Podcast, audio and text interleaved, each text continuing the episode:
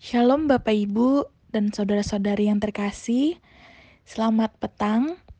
Pada saat ini kita akan bersama-sama disapa kembali oleh firman Tuhan di dalam renungan petang GKI Coyudan Kamis 15 April 2021. Pada petang hari ini kita akan kembali disapa oleh firman Tuhan diteguhkan kembali, dikuatkan kembali dari seluruh lelah aktivitas kita pada hari ini. Dan firman yang akan menjadi kekuatan kita terambil dari 1 Yohanes 2 ayat 18 sampai 27 dengan tema waspadalah, waspadalah. Kita akan bersama-sama disapa kembali, disegarkan kembali, dikuatkan kembali, dan marilah kita mempersiapkan diri, mengambil waktu sejenak untuk memohon pertolongan Roh Kudus menuntun kita semua. Mari kita bersatu di dalam doa. Allah Bapa kami yang sungguh baik, yang kekuasaannya dan juga anugerahnya terus melingkupi kami hingga pada saat ini, kami mengucap syukur atas penyertaan Tuhan sepanjang hari ini, di mana Tuhan boleh terus menyertai kami dan tidak pernah meninggalkan kami. Pada saat ini kami juga akan bersama-sama mendengarkan firman-Mu disapa kembali, dikuatkan kembali, disegarkan kembali, dan biarlah kiranya firman-Mu ini yang boleh menjadi kekuatan bagi kami, yang menuntun kami dalam kami menjalani kehidupan kami.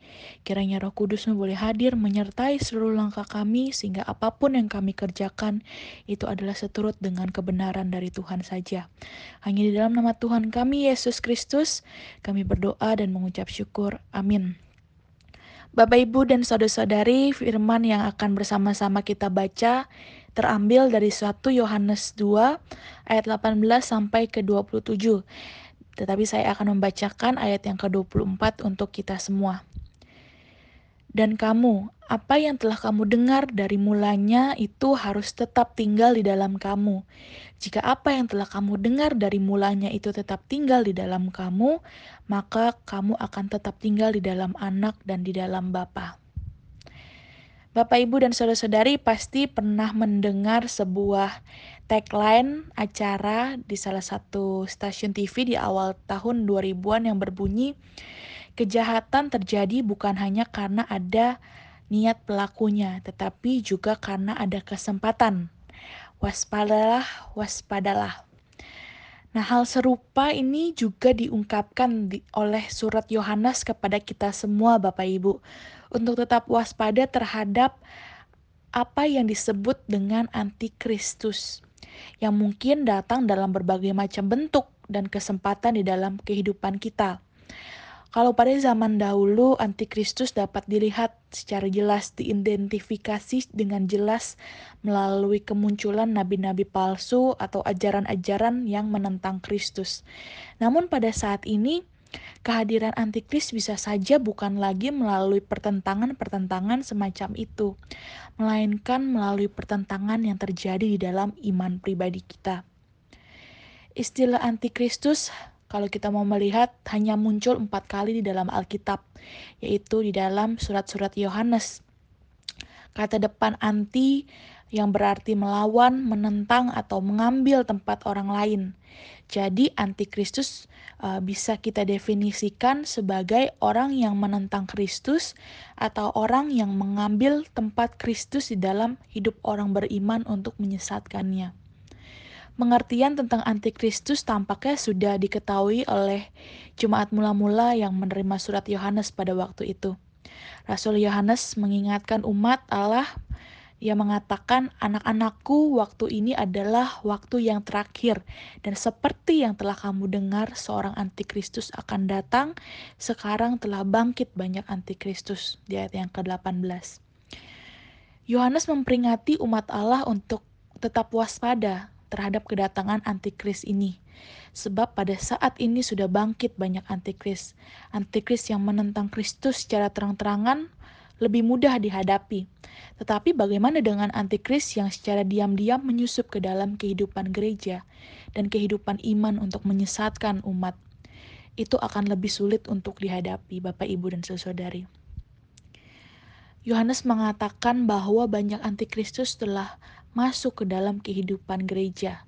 Mereka ini adalah orang-orang yang mengaku percaya, tetapi mengasihi dunia, lebih mengasihi kesenangan dirinya yang cenderung mengarah kepada keberdosaan, memutarbalikkan Injil dan memanfaatkannya demi keuntungan pribadi. Ketika para antikris ini meninggalkan persekutuan dengan orang percaya yang sejati, meninggalkan kebenaran Injil, mereka tidak lagi memiliki hubungan yang menyelamatkan dengan Kristus. Kenyataan ini memperhitungkan dua kemungkinan.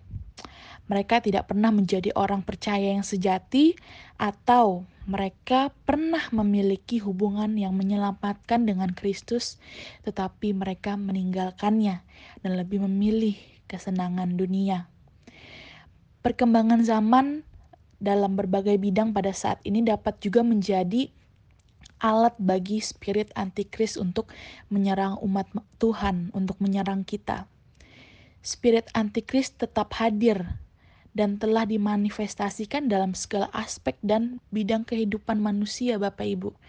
Kita perlu sadar itu dan segala sesuatu yang menyesatkan dan menjauhkan kita dari Tuhan akan datang dalam bentuk yang sungguh menggiurkan, yang tidak bisa ditolak, bahkan mungkin dari apa yang paling kita inginkan.